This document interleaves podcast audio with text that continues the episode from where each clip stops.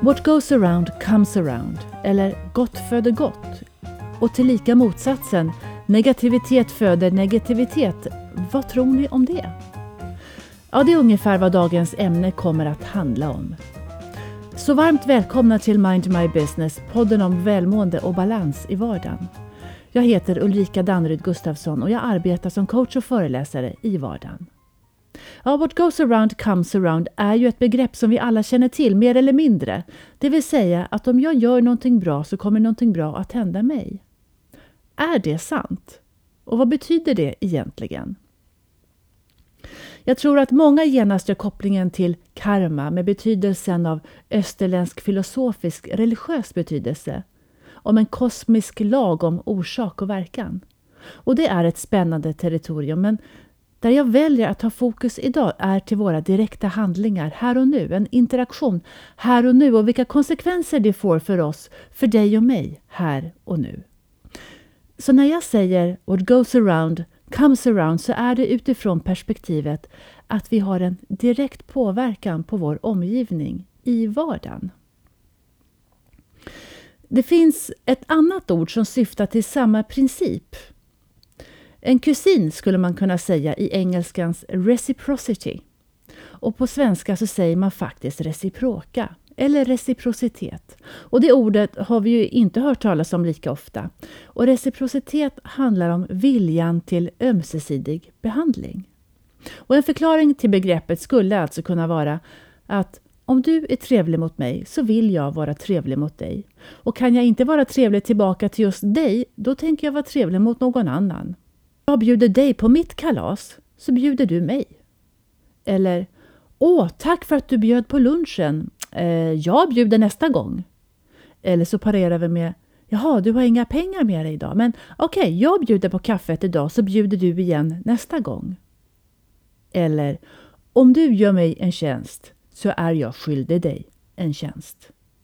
För väl grundat i oss så finns behovet av att återgälda, att ge tillbaka, att det ska vara lika och att det ska vara rättvist. När vi får något, en gåva eller tjänst eller bemötande, så aktiveras delar av hjärnan som associeras med känslor och beslutsfattande.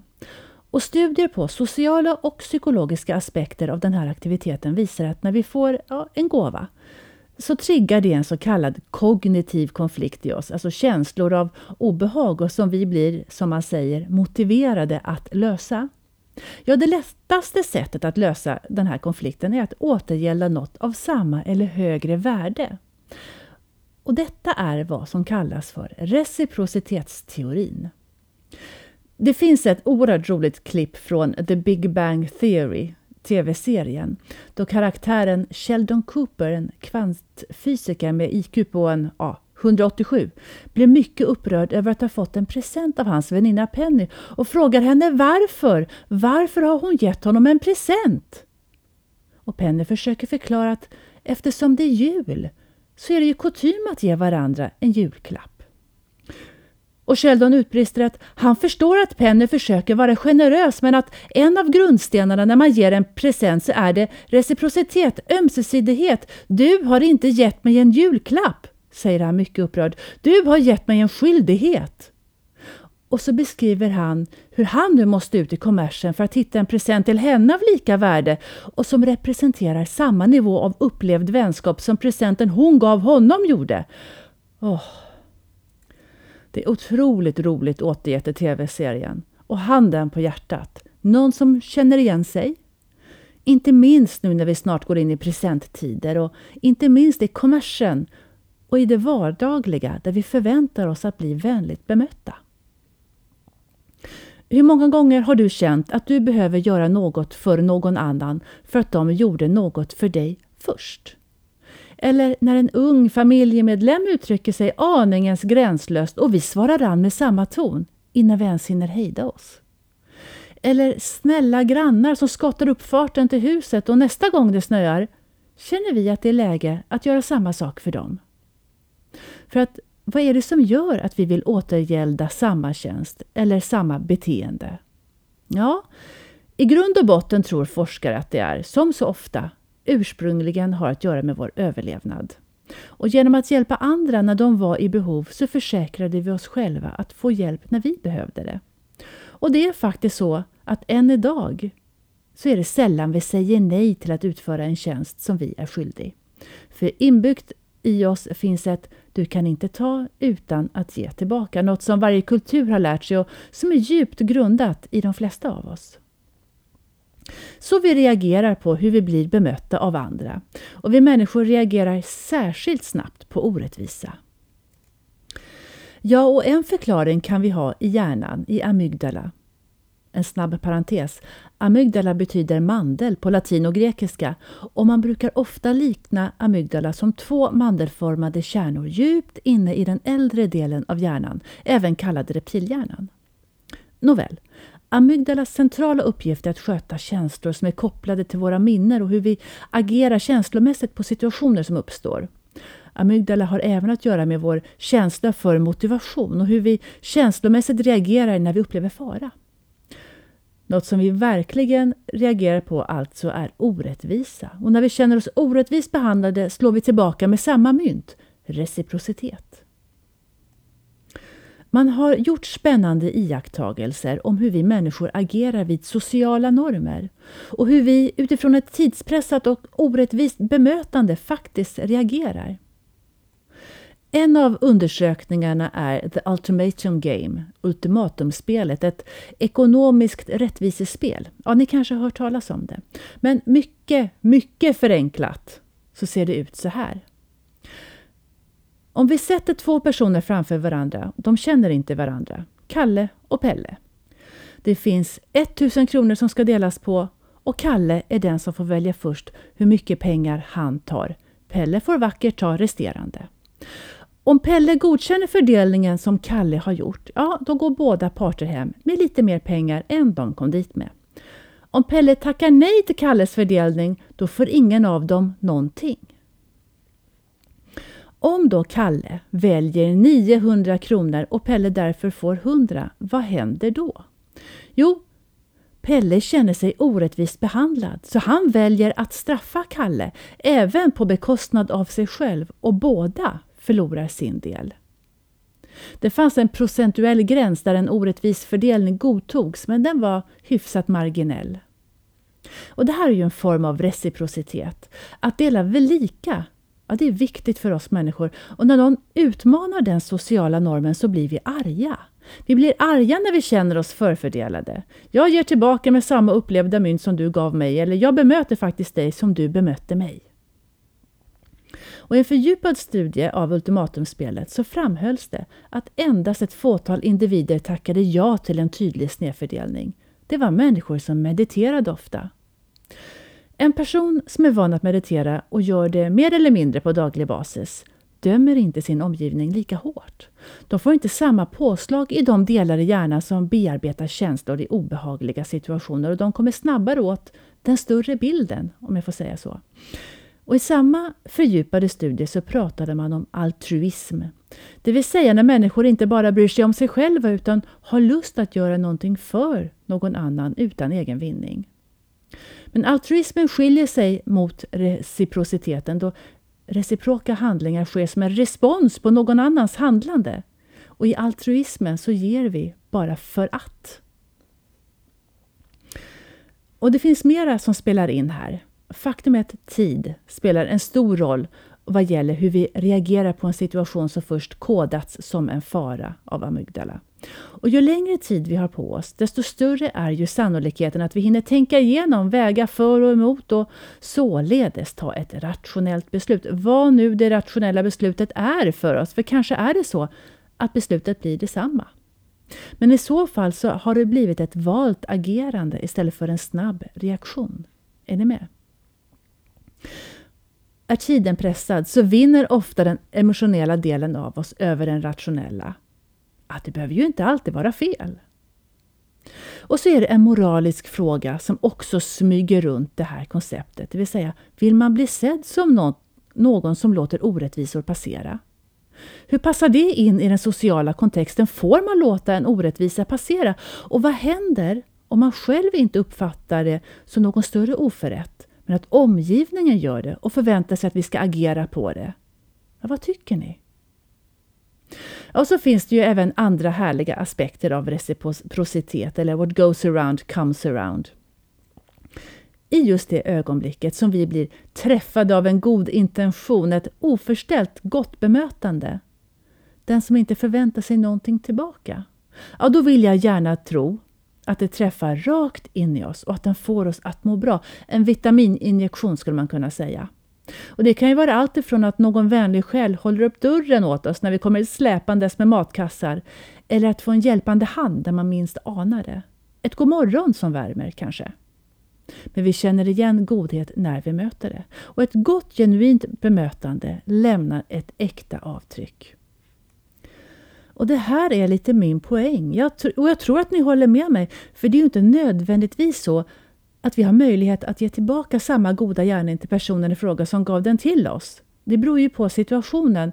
Men det spännande med reciprocitet är att vi vill ge tillbaka, om så till någon annan. Därav att gott föder gott som ges vidare. Och är inte det att vara snäll?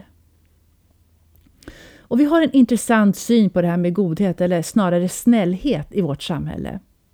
I många av de samtal jag har så tycker jag att ordet snäll ofta kommer med en negativ klang.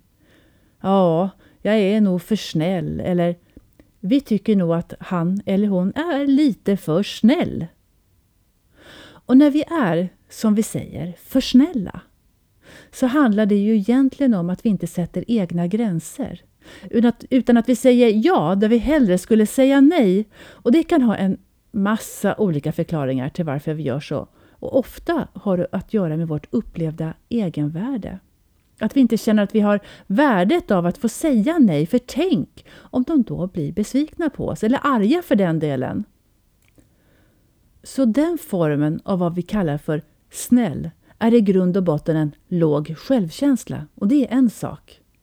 Men det finns en annan sak vad gäller snäll och det är att snällhet kanske faktiskt är någonting som är i linje med våra värderingar och att det är viktigt för oss att vara bussig, att det är viktigt för oss att hjälpa till att vara snäll, att våga vara snäll, att välja snäll i ett samhälle som gärna vill tolka snäll som mesig. Ja, då tycker jag att snäll är modig. Och jag vet att vad det gäller snällt och trevligt bemötande så tänker några direkt på skickligt manipulerande människor som spelar på våra känslor för att de har en baktanke, för att de vill få oss precis dit de vill och döljer det väl. Och såklart blir det en spännande reflektion. Kan vi urskilja dem? Går det att känna av att vi blir utsatta för den typen av manipulation? Ja, vad tycker ni? Ja, ibland gör vi det. Ibland ser vi igenom slöjan och uppfattar att det är något som inte stämmer, medvetet eller omedvetet. Och vi kommer att agera på det. Och ju mer medvetna vi blir om det, ju mer kommer vi ta eget ansvar för hur vi väljer att agera. Och Det finns ju olika djup av manipulation. Det finns det vardagliga, köp tre, betala för två. Ja, men det är väl okej. Okay. Jag fattar att de vill att vi ska köpa mer och det kanske finns ett kap för oss att göra. Eller någon likar vår sida för att vi ska lajka deras. Ja, vi kanske gör likadant. Om det inte kostar oss någon större känslomässig investering så är det väl helt i sin ordning. Börjar det däremot skava i oss av en eller annan anledning, mm, då börjar det bli någonting annat. När det skaver i oss överhuvudtaget, alltså när vi lider av tidsbrist eller vi har för mycket att göra, ja, då är det lättare att vara inne i sitt att vi glömmer eller kanske inte har orken och förmågan att höja blicken och se våra medmänniskor. Och är det inte som mest då som vi behöver ett leende av en snäll själ eller någon som lockar fram en god känsla i oss. Och även den minsta av goda känslor gör att själen gör ett litet ja, glädjeskutt och att det är en energiboost. Och snällhet. Jag tycker om snälla människor. Snällhet för mig betyder inte mesighet. Äkta snälla människor är medvetna, starka och har integritet och väljer att agera gott. Äkta snälla människor har valt att ta tillbaka kraften. Så heja snällheten! Och när vi har kontakt med det i oss som är snällt så vill vi vara bussiga mot andra. Reciprocitet. Så hur ser det ut egentligen här nu med snällheten omkring oss? I slutet av förra veckan så var det Black Friday som avslutades med ja, Cyber Monday. Och det började ju som vi alla vet som ett e-handelfenomen men de fysiska butikerna fattade snabbt att här behövde det hängas på. Som en tidig julhandel. Ja, nu är det egentligen inte handeln som så som jag är intresserad av eller vill fokusera på. Det är vad som händer bakom, alltså vad som händer med oss människor när det till exempel är en begränsad rea. När det som står ut är ”passa på, annars missar ni något”. Och att missa något, ja det vill vi ju inte. Och vi vill inte missa att handla något till ett bättre pris. För det känns ju orättvist då om det skulle visa sig att priset var högre dagen efter eller att vår vän lyckades få tag och göra ett kap till ett bra pris. Det känns ju orättvist. Hur har och så larmas det i hjärnan om att det är fara och färde. Vad händer i oss då? Och just det, och så blir det ju den här huggsexan inne på lampbutiken om adventsljusstakarna. Alltså, vad är det som händer i oss då? Är vi schyssta mot varandra? Ja, sådär va? Alltså stress och tid är två komponenter som verkligen väcker andra sidor hos oss. Om vi har gjort ett fynd, ja, då har vi massor av energi över och belöningssystemet i oss kanske jublar och vi är otroligt trevliga mot alla omkring oss och inte minst mot personalen i kassan. Ja, är vi stressade å andra sidan, ja, då är vi kanske inte fullt så trevliga och särskilt inte om vi missar att göra fyndet vi inte hade tänkt att göra. Ja, och då? Ja, då är vi väldigt snabba att påpeka att folk minsann inte har något hyfs längre och trevliga, ja det är de verkligen inte och minsann tränger de sig inte före kön och vassa armbågar har de och vilka tror de att de är? Om vi tänker så, vad tror vi att vi utstrålar då? Även möjligtvis illa dolt bakom ett konstigt leende. Alltså vilket kroppsspråk har vi? Är det lugnt och avspänt eller är det stelt och hög andning? Och vet ni, jag säger inte att det inte är okej att känna sig frustrerad och irriterad. Jag säger bara att det vi ser hos andra är ofta en spegling av hur vi själva beter oss. Reciprocitet som speglas tillbaka.